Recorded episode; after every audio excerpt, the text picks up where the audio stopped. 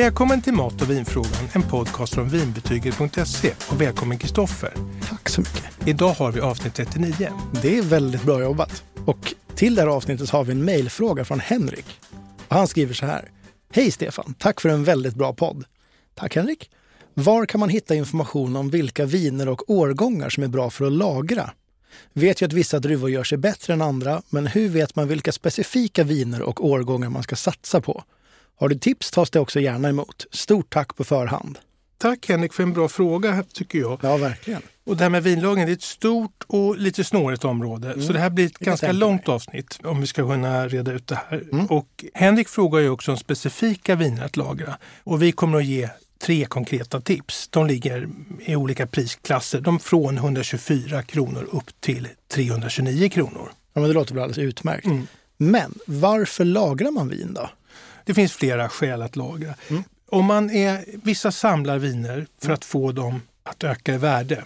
De lagras eh, samtidigt då naturligtvis och då vill man tjäna pengar på det. Det är några som går till auktioner och sånt där. Det kommer inte vi prata om idag. Nej. Sen finns det de som vill att vinerna ska utvecklas smakmässigt, de ska mogna och då lagrar man dem. Det är ungefär du vet, som om du tänker att du har någon som planterar eller odlar, man vill se Ja, över tid att det utvecklas. Och så vill man njuta av goda viner och man känner att man själv har varit med och påverkat det här.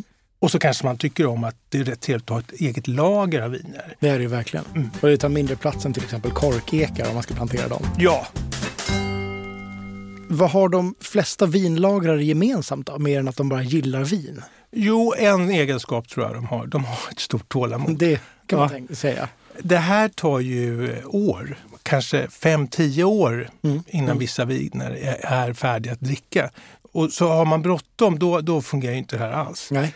Sen så tar viner faktiskt plats. Så man måste ha någon form av utrymme. Och det kan ju vara eh, i sitt eget hem eller så kan man köpa hos såna här vinlagringsfirmor. Till okej. exempel specialister på vinkällare och sånt som det kallas för. Vad härligt. Och sen så tror jag också man har en viss förväntan. Mm. Jag tror inte man stoppar in sina viner och sen så glömmer man bort dem utan man undrar lite hur de mår där och vad som händer med dem Mm. och hur goda kan de bli och sånt där. Det känns som att man måste vara lite optimist också för, var, för vinlagrare. Inte tänka att de, de kommer inte bli sämre i alla fall.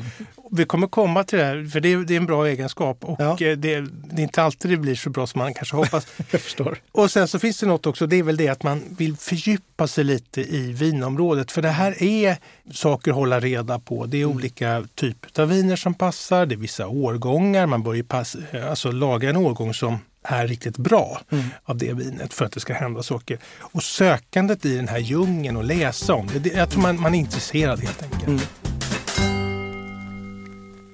Hur lagrar man vin då rent praktiskt? Om jag skulle börja lagra vin själv i en väldigt liten skala. Är det bara att ha en i vinhyllan? Ja, vi säger att du får två flaskor i present och så säger den som ger de här, de här Kristoffer, de tycker jag du ska låta vila i sju år. Jaha, säger du. och då är, är det ett par saker att tänka på. Det första är att de ska inte ligga ljust för det försämrar. Så en vinhylla framme på diskbänken är inte så bra. Nej. Utan hellre att du lägger dem mörkt till exempel i en garderob. Okej. Och sen så är det andra du ska tänka på, det är att de inte ska stå upp. Varför ska de ligga ner? Ja, men om du tänker att du har en vinflaska Ja, och så har en naturkork, det är de som... just det. Mm.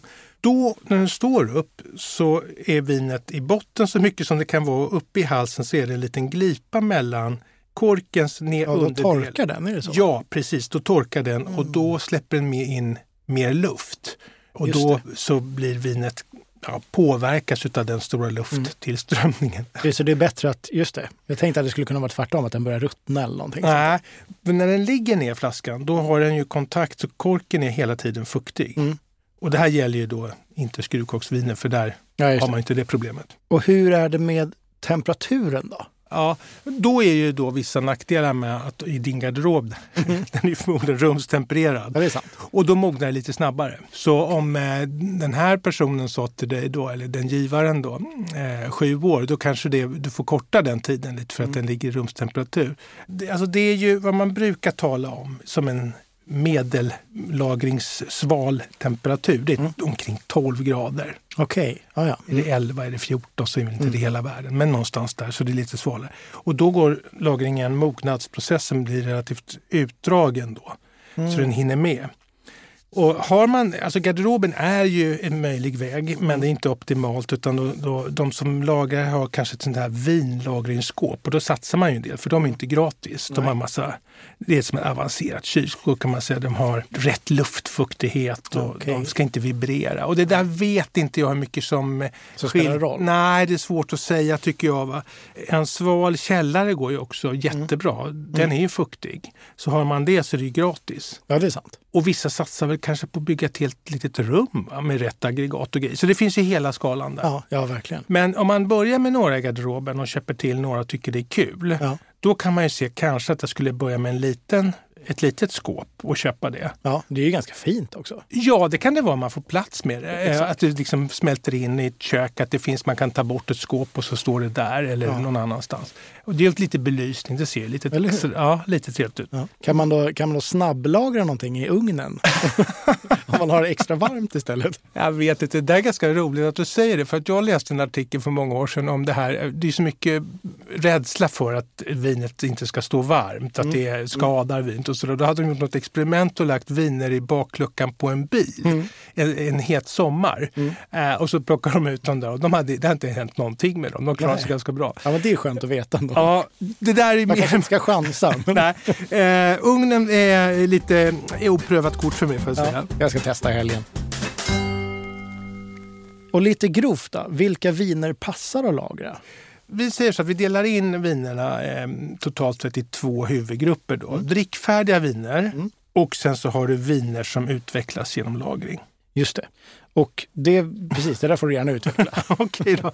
Ja, men drickfärdiga viner det är den stora gruppen viner. Och de flesta människorna de handlar ju vin till helgen eller de vill inte vänta i fem år eller Nej. tio år. Nej. Så vinmakarna, vinbönderna, vinproducenterna har ju anstränger sig ju många gånger för att göra drickfärdiga viner. Just det. Men de, är inte de lite förlagrade ofta? Jo, det kan de absolut vara. Ja. Eller som gjorda i en stil som gör att de går att dricka. De är inte sträva eller för ja. kraftiga och så vidare. Men som du säger, om du tar spanska viner, Mm. till exempel då Gran Reserva Rioja, Mm. Så är ju det, idag kan du gå in på systemet och köpa en årgång 2010, 2011 eller 2012. Mm. Då är den förlagrad. Det har de gjort åt dig på plats. Det är lyxigt. Ja, det är lyxigt. Och sen tycker ju många, å andra sidan, vinproducenter att de har inte varken råd, tid eller ork att ta utrymme och lagra på hemmaplan, utan det får konsumenten hantera. Mm. Så att det där finns lite olika. Men de drickfärdiga vinerna, de är inte så stor poäng med att lagra. Det händer inte så mycket med dem. Nej, okej. Och eh, i vissa fall kan de till och med tappa lite. Va? Och de som inte är drickfärdiga då? De som vinner på att lagras. Ja. Det kan vara vita, vissa vita viner. Mm. Det kan vara viss champagne, främst årgångschampagne. Mm. Men främst så är det röda viner man tänker på. Ja, ja. Men sen finns det många viner som är både drickfärdiga och som utvecklas vidare vid lagring. okej. Så då, det beror lite på. De som är drickfärdiga nu men som kan lagas, de får man vara lite fiffig med när man ska, om man ska dricka dem nu. Man får tänka på några saker. Vi kan ta det också, men ja. Typ luftas och så vidare. Men vi kommer till Ja. det. Ja. Så är liksom tiden, är det en nyckel till en utvecklad smak? Ja, det är det. Ja. Och eh, om vi tar bara ett mycket kortare tidsperspektiv. Ja. Om vi säger de här som är både drickfärdiga och vinner på lag. Som vi säger att du gör en stor gryta, en beef bourguignon. Mm. Och så står den och puttrar där på eftermiddagen och sen så tar du och smakar på den på kvällen. Mm. Då kan ju den vara gudomligt god. Men låter du den stå där till nästa dag, Mm. då är den helt fantastisk. För då har alla smaken av lagerblad, vin, lök, Ja, kött och allting. Då har det stått liksom och gått ihop och utvecklats ytterligare Mm. med tiden. Mm. Men sen kan ju inte den där stå hur länge som helst och så är det med viner också. Ja, just det. Men hur vet jag då, som Henrik frågar, hur vet jag vilken typ av vin som passar för lagring? Finns det någon etikett eller någonting på flaskan? Ja, det gör det tyvärr inte. Men om vi, åter, eh, om vi återgår till de eh, röda som jag nämnde. Då är de röda som är kraftfulla, Mm. tanninrika och det innebär att de är sträva och lite kantiga. Mm. Och då gör lagringen då att de mognar och blir rundare och mer Okej. tillgängliga. Mm. Och det är lite intressant att det är ofta fina viner som är, behöver lagras. Ja. Och det skulle man kunna tänka sig att det var tvärtom. Men eh, så är det. Och om man tittar på Systembolaget så har de ganska många lagringsviner angivna. Det står okay. kan lagras på respektive vin. Okay. Vi brukar alltid prata om fasta sortimentet. Ja. Och då om vi säger att det finns 120 röda viner som det anges kan lagras på. Mm. Och sen så finns det då totalt sett drygt 800 som är... Okej, ja. ja. så det är inte så många ändå? Liksom. Nej, men ändå ganska många tycker ja, jag. Ja, och sen så i det här beställningssortimentet så finns det ju betydligt fler. Ja, såklart. Men mer specifikt, vad, vad ska man leta efter för att hitta rätt lagringsviner? Jo, men årgången är viktig. Mm. Ska du satsa på att lagra ett vin länge, mm. då ska du se till att du har köpt en bra årgång. Okej, okay. och vad, hur vet man det? Vad är, vad är en bra årgång? För? Ja, det här området är ju enormt av flera skäl. Mm. Dels är det så att varje vinregion är individuell. Bara inom Frankrike till exempel så kan Bordeaux ha en bra årgång 2015 säger vi. Medan den bra årgången i, i södra Rån eller norra Rån mm. är 2018. Just det, för det beror på klimatet det året? Och så ja, ja. Mm. hur det är just där och hur det ligger. Just det. Och sen så är det ju så att man pratar inte bara om nutid så att säga, nej, 2020 nej. eller 2019, utan man går ju bakåt. Mm. Kanske 10-15 år. Mm. Och då om man tar då hur det varierar, dels mellan åren mellan alla de här regionerna, så är det, man måste ha en översiktlig bild, en, en, en slags, det finns en ett schema över det här för att hålla reda på det. För det finns ingen som kan memorera det här. Framförallt inte i en podd helt enkelt. Nej, Nej, det är ingen poäng med att vi försöker räkna upp det här till Henrik för att han ska memorera. Utan ah, ah. Vi kommer till några bra viner men ja, vi, tipset är ju att titta i en, i en sån här årgångstabell. Det. Finns det någon sån på vinbetyget? Eller? Vi håller på att lägga upp det. Ah. Och då går man till den regionen först som man är intresserad av. Man säger man tittar på Italien, okej, okay, Piemonte, så tittar man där. Eller Toscana till exempel. Mm. Eller man kanske är intresserad av då Frankrike och så mm. tittar man på Bourgogne eller Bordeaux och så vidare. Just det. Mm. Och sen kan man ju säga skalorna då, de är 1 till 5, ganska okay. enkelt. 5 är högst då. 4 och 5 är alltid bra i stort mm. sett. Mm. Och vad är det för skala? Aftonbladet plus? Nej, dels så finns det då Robert Parker okay. som är en, en jätteetablerad känd person som egentligen kanske nästan styr halva den etablerade vinvärlden mm. med sina omdömen. Mm. Han har en tabell på sin sajt. Mm. Den är inte lätt, den är väldigt eh, mångfacetterad och komplex. Men ja, sen ja. har även då Systembolaget mm. årgångsbeskrivningar och med betyg då från 1 till 5 på olika okay. ja, ja. Och så gör vi det nu på vinbetyg så lägger vi upp. Mm. Som man kan hitta. Just nu finns det en champagneårgångslista mm. mm. som är väldigt besökt och trevlig. Mm. Mm. Tyvärr så är det ju så att om du hittar en årgång där i tabellen. Ja. Jag ska gå och köpa 2015 av den här flaskan, eller ja. den där som du funderar på. Då kanske den inte finns kvar på Systembolaget utan då kanske den har kommit till 2016, 2017. Ja, ja. Såklart. Så att det här är ju lite färskvara. Ja. Och det är därför som de här som är vinroade är lite på tå när det kommer en toppårgång. De springer iväg och köper det. Ja, just det. De här lagringshajarna. Ja, mm. så att, och sen det är klart man kan hitta om man är väldigt road av en viss årgång eh, som mm. man vet är, är, speciell, att man kan hitta den på auktion eller på annat sätt mm. och köpa. Mm. Fast vi tipsar egentligen inte Vinbetyget och podden är ju egentligen inte för den som kanske köper viner på auktion utan det är ju för den som vill börja lagra vin. Ja, eller hur? Eller hur? Och därför är det skönt att vi har lite tips till det här helt enkelt. Det känns som en bra början. Så en bra årgång. Och sen finns det något mer som man kan leta efter? Ja, men jag tycker man ska kika på producenten. Mm. Det kommer massor med viner, erbjudanden i nyhetsbrev och annat och så mm. står det här utmärkt fantastiskt och, och, och, så står det att det går att lagra kanske. Mm. Men jag skulle ju testa att googla om jag inte känner igen vinet på mm. den producenten. Och de som är namnkunniga och internationella stora så att säga. Det här är ju inte, vi, vi är ju bara en marknad i Sverige. Vi tror ja, att ja. alla viner görs för oss men så, de görs för hela världen. Just det, ja, det är sant. Och då så kan det faktiskt vara så att man inte får några träffar. Nej. Då skulle jag ju inte välja det vinet. Nej. Utan det ska faktiskt finnas eh, en beskrivningar av vad de har gjort. Ofta har de ju fått utmärkelser. Så att, eh, titta på bra och erkända producenter mm. som, som finns med i på Google, i vinböcker etc. Mm. Ja, det är skönt nu när, vi, när internet finns. Och det känns som det ja, det förenklar och... ganska mycket. Ja. Sen så skrivs ju också om botten och toppenårgångar i media. Mm. Vinspalter och annat bevakar ju så att mm. nu är det en toppårgång här och nu är det en bottenårgång här och nu har det hänt ditt och datt. Så det där kan man ju också titta på. Mm. Så om jag nu till slut sen ska öppna det här vinet efter ett antal år i källaren, Mm. vet jag att det har blivit bättre då? Nej, och det där är, det ingår på något sätt tror jag hos de som lagrar vin. De Ja. vet det att ibland händer ingenting med vinet. Nej. Det har inte utvecklats. Eh, ibland så har det blivit fantastiskt och ibland så eh, har det blivit eh, pannkaka och eh, det bara hälla ut. Och det, jag pratade med någon som sa så här, ja, jag köpte två flaskor eh, en Bordeaux, av en Bordeaux från 1986 och, på Bukowskis auktion och det kostade liksom drygt tusen kronor flaskan och det hade det massor med år och sen så var det julafton så skulle de öppna det här och, då, och det gick inte att dricka Nej. var skadat. Mm. Och det gick inte att se på korken uppifrån så att säga, utan det såg bra ut. Så det där är ju då någonting som Å ena sidan så ger man sin tid och kärlek och engagemang till de här vinerna Mm. i många år. De kostar i inköp, de kostar i tid, de kostar i plats och utrymme och i tanke. Och sen så när man öppnar dem så kan de vara, vara fördärvade. Så det gäller att ha en inställning och tycka att ja, så kan det är part of the game. Ja.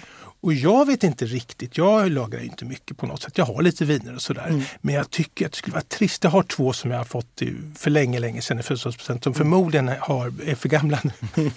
och det är klart jag kommer att tycka att det är lite trist att hälla ut dem. Ja, och samtidigt har jag ju del i det för jag skulle öppnat dem tidigare. Ja, ja, såklart. Ja, Men det kanske också är lite av charmen på det sättet. Om, om saker är garanterat, då blir det inte samma. Det är lite spänning i det här. ja så tror jag att det är. Även om man hoppas att man inte drar nitlotten såklart. Ja, och jag tror att man kan inte ha eh, liksom ett fokus att eh, bli förbannad om, om, Nej. om Nej. blir. Nej, men för då, det är ingen som vill lyssna på det heller. Nej, nej, det är sant. Nej. Ja, men det här det var väl en bra liten liksom, introduktionskurs. Vi kanske får dyka in i det här ämnet fler gånger. Det här är ju liksom mäktigt och stort och Ja, också intressant för den delen. Men det känns som att det är dags att tipsa om lite viner. Va? ja. Och vi brukar ju presentera viner i prisordning, från lägst pris och så går vi uppåt. ja, det gör vi då också tänkte jag. Ja, Eh, Det blir eh, viner här som eh, vinner på lagras, men jag vill nämna att alla de här tre vinerna, de är drickfärdiga. Och då ska man tänka på, som du nämnde, dels lufta dem. Mm. Och då tycker jag att ett par timmar får man ge dem här i en karaff och hälla långsamt så att det, luften liksom blandas med vinet. Och sen så är det här nog inte vin i soffan. Alltså att sitta och, och smutta på så här själv. utan till någonting. Ja, du behöver mat som är lite fet och som dämpar de här lite sträva vinerna. De är fantastiska om man har rätt mat till. Mm. Och det är egentligen klassiska, lite kraftfulla kötträtter till kraftfulla viner. Ja, exakt. Och kanske lagade hårdostar. Just det. Men om vi börjar då med eh, det klassiska vinlandet Frankrike. Mm. Men vi går inte till något av de stora kända vinområdena, Bordeaux och Bourgogne. Nej. Utan vi går till eh, ett litet område som ligger nära Bordeaux, fast mer in i Frankrike. Och Ja. Det heter Cahors. Och Cahors. där, ja, Cahors. Och där finns ett eh, vinslott som heter Pineret. Mm. Chateau Pineret och då är det gjort av druvan Malbec. Mm. Och Malbec är en, idag en jättehjälte och eh, nationaldruva Argentina. Den är fransk från början och ingick i många viner och var för 200 år sedan var Malbec en jätteviktig vin, eh, druva i Frankrike. Men den har liksom glömts bort lite. Och det här då, Chateau Pineret Malbec år 2019, det är jättebra att lagra. Det är kraftigt och härligt och det vinner på, det kan du lagra i 6 till 10 år kanske. Och det här prisvärda då, Chateau Pineret, det har artikelnummer 2852. Mm. Och priset då, det är liksom 124 kronor. Så här kan du få, Okej. ja, det kan bli ett jättefynd. Då kan du till och med köpa två. Dricka en nu och sen så får du jämföra med den om tio år. Ja, man kommer ihåg, och så gör ju de som lagrar, de antecknar ju. Ja. Och vissa köper ju då Det är bra jobbat att komma ihåg det ändå.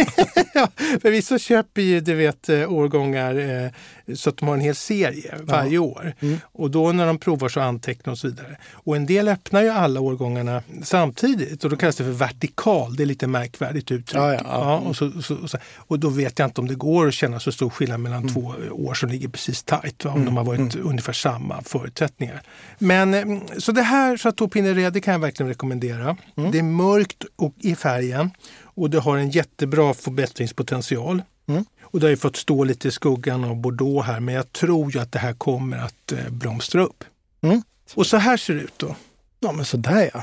Som en klassisk vinflaska. Ja, det är en ganska klassisk eh, Bordeaux-etikett med Mm. slott på, namn tydligt och så fin teckning. Den, den tycker jag passar fint i hyllan. Mm. Och vad är, vad är vin 2 då? Jo, och då gör vi ett hopp både i pris och i land. Ett Mm. stort hopp ner till Sydafrika. Var det Och det här är ett kultvin. Och, eh, det sägs att när Nelson Mandela blev, fick Nobelpriset, fredspriset. Mm. Då startade han en vingård. Nej, men han gick och köpte det här vinet och serverade Jaha, på middagen. Och det heter eh, Rast Anvrede Estate. Okej. Rustan Vrede Estate. Jag vet inte hur de uttalar Rastan Vrede låter lite holländskt nästan. Men, Ja, eh, ja. Och så här ser det ut. Det, och då finns det både i en förpackning eller så här, en snygg wrap som är Ja, just det. kraftfull orange. Och så här ser själva vinetiketten ut. Den är faktiskt jättefin med den här också, orangea. Ja, så på systemet ser den ut som man köper den. Mm. Och så här ser den ut utan då. En Vintage 2016 står det på den där. Ja, Eller vintage kanske det heter. Men det är franska är lite finare på vin, ja, vinspråk. ja. Okej, så där ser den ut i alla fall. Mm. Eh, med också sin vingård på naturligtvis. Och så står det då Ja, båda, båda de här är ganska klassiskt, liksom vinflaskor. Det, det, Ja, det är en liten eller hur? Och lite de har mer. Rött eh, sigill här uppe och Ja. det är liksom samma form. Det här är ju en bordeauxform kan man säga. Det är också en ganska tidlös design. Det kanske är bra om den ska stå där i 100 år i vinhyllan. Ja. Mm. Eller 10 max kanske. Eller hur länge får man lagra det här? Det här kan du lagra väldigt länge om du vill. Men det går ju att dricka nu också med rätt förutsättningar, att du luftar och allt det här och har rätt mat till. Mm. Men det här är, kan du ju säkert ha i 10-15 år. Okej. Och det här har fått massor med fina priser just det här vinet. Det, vi ska bara nämna då vad det har för nummer också. Mm. Eh, så att om man vill anteckna det. 12356. Mm. Och tidningen Wine Spectator som listar världens 100 bästa viner varje år. Det här var det första eh, sydafrikanska vinet som kom med på den listan. Okej. Så det här är är på alla håll och kanter. Va? Och det är en eh, druvblandning då på Cabernet Sauvignon, Mm. Syrah och Merlot Okej. som har lagrats länge i 22 månader.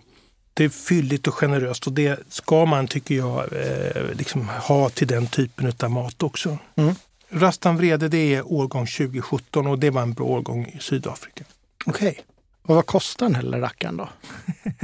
Det, det är en stor rackare skulle jag säga. Ja, Den kostar då. 289 kronor. Ja, det, det tycker jag funkar. Kanske man bara Ja. köper ett av. Det här, Ja. om motsvarande i en finregion i, i Frankrike, Mm. skulle säkert kosta minst det dubbla. Nej, Köp två ändå, då tycker jag då. Jag tar Du, tillbaka när, det är roligt Kristoffer, när du säger så här, vi sitter ju här och pratar vinlagring och de som lagrar vin de köper lådor. Ja, det, Och så lämnar de bort dem till ett vinlagerställe, en vinkällare som det kallas för och så står de här lådorna här. Och vi pratar om en och två flaskor. Men vad rådet brukar vara från proffsen det är att köp sex flaskor minst. För när du har hittat ett kanonvin och du har lagrat bara en och öppnat det så blir du så ledsen. Ja, det är Ja, sant. Jag ska börja köpa lådor. nej, Jag, jag bor för lite tror jag för det här. Jag ja, det, skaffa en ja, alltså, de flesta har inte plats för lådor som bara står som man inte dricker. Och jag är ju lite nutida egentligen i, i min syn på vin och inte så framtida. Mm. Så det är klart jag har lite viner som lagras och sådär men egentligen så Så funderar vill man jag. ha vin till helgen. Ja, Ja. vad blir gott till den här maten? Så Ja. kan jag vara lite uppspelt och lite sådär eh, Ja. Mm. till mig över nu ska jag prova det här vinet till den här maträtten. Ja. Så funkar jag. Ja, jag med. Ja. Tills jag har ett slott kanske. Ja. Och det tredje då? Det tredje vinet, ja, det här, nu så gör vi så att vi hopp, går tillbaka till fin Bordeaux. Ja, vi hoppar tillbaka från Ja, vi måste det. Och Bordeaux är speciellt för förr var det så att då var vinerna så stränga och sträva så att då, var- du var tvungen att lagra dem i 10-15 år. Okej. Dyra och så krävde de av dig att du skulle lägga dem på hyllan och Ja. vänta och vänta och vänta.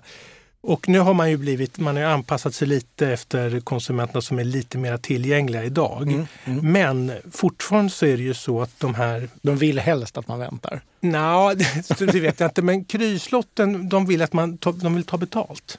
De Okej, kostar ja. eh, hur mycket som helst. Och då gäller det ju att vara lite fiffig och titta vad finns det som har kvalitet men som inte är riktigt i de prisklasserna. Att Mm. få mycket vin för pengarna. Och då har vi hittat en Bordeaux här som heter Grand Vin Rignac. Grand Vin Rignac. Och den är då från 2016. Och det här vinet Men hör och häpna, det är en ljusröd liten... eh, Ja, den skiljer sig Ja, lite. den skiljer sig lite i färgen här. Det, det, det känns bra. Mm. Det är modernt. Det här vinet det är 2016 och det är en toppårgång i Bordeaux. Och det är gjort, I Bordeaux pratar man främst om två druvor och det är Merlot och Cabernet Sauvignon. Och så Vissa delar använder den ena druvan, vissa andra och vissa kombinerar. Och det här är en kombination av 75% Merlot och 25 Cabernet Sauvignon. Så då är den lite, inte så stram och sträng kan man säga. Och grundaren av vingården där som tog över den med sin fru, han samlade ihop viner från de fina Premium Cru-slotten Chateau Margaux, Chateau Lafite och sitt eget Rignac. Mm. Och så ordnade han blindprovningar. Och då kunde folk inte plocka ut vad som var vad, utan den här tolkades många gånger som ett Premier Cru-vin. Okej, Så det här är en liten det är pärla. bra jobbat. Ja. Och vad, vad kostar den här då? Den här kostar 329 kronor. Ja. Och Köp, köp en låda.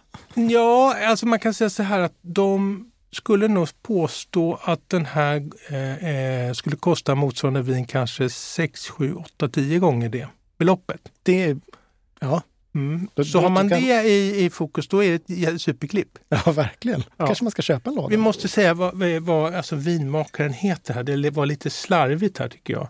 Vinmakarna bakom det här fina vinet, de heter Yves och Stéphanie Wattelot. Är det det som står just det på framsidan? Ja. Ja, Och vad har du för nummer då? Ja, det här är ju ett vin som är då i beställningssortimentet. Vi brukar inte ha med beställningssortimentet, men nu, för det här är special tycker vi med lagringsviner och att den här, eh, det här ovanliga fina vinet. Det här har 52, 92, 3. Och de här finns ju också i länk eh, i avsnittets beskrivning. Ja, där hittar man alla de här vinerna. Man, eh, vi kopplar dem till vinbetyget så står de med bild också så man Ja. kan känna igen och läsa lite mer om dem där.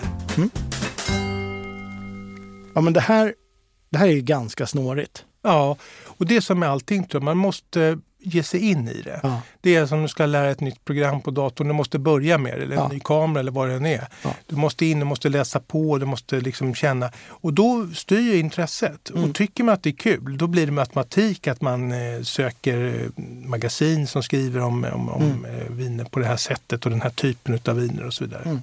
Och om ni som lyssnar vill att vi ska hjälpa till, skriv så kanske vi kan dyka in i det här igen. Ja, absolut. Mm. Alla mejl är välkomna. Eller hur?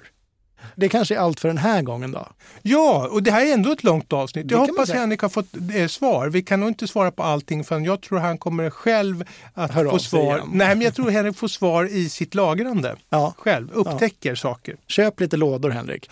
Eller börja med några flaskor i lugn och ro Ja. och prova dig fram. Det kanske är lagom. Ja. Tack för att ni har lyssnat. Ha det så bra. Hej! Hej då! Har du frågor om mat och vin? Alla frågor är välkomna. Maila till mig på stefan.vinbetyget.se